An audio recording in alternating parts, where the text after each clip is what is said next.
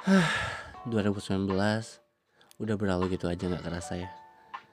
Kalau dipikir-pikir lagi di tahun ini banyak banget kejadian-kejadian yang gak terduga. Kadang bahagia, kadang sedih, bahkan mungkin terkadang duka sih sebenarnya. Cuman mau gimana pun momennya itulah proses yang kita jalani sepanjang tahun ini gitu.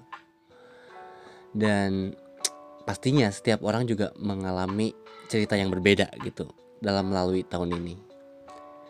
Buat gue pribadi, gue sangat bersyukur karena di tahun ini banyak banget harapan-harapan gue yang terwujud meskipun gak sesuai dengan apa yang sebenarnya yang gue harapkan.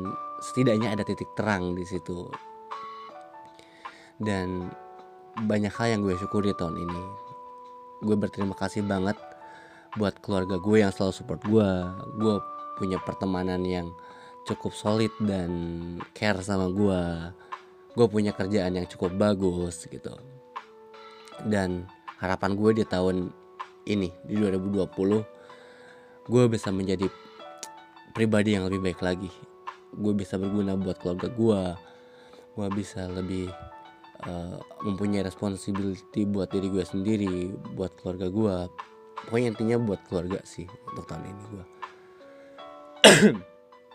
dan uh, gue harap di tahun ini segala sesuatu yang belum terwujud di tahun kemarin di 2019 di tahun ini bisa lebih uh, diperjelas gitu.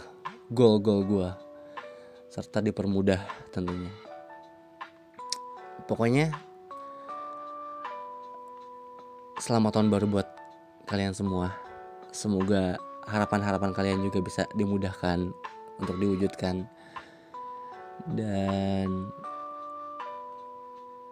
menjadi pribadi yang lebih baik lagi sih yang penting. Bye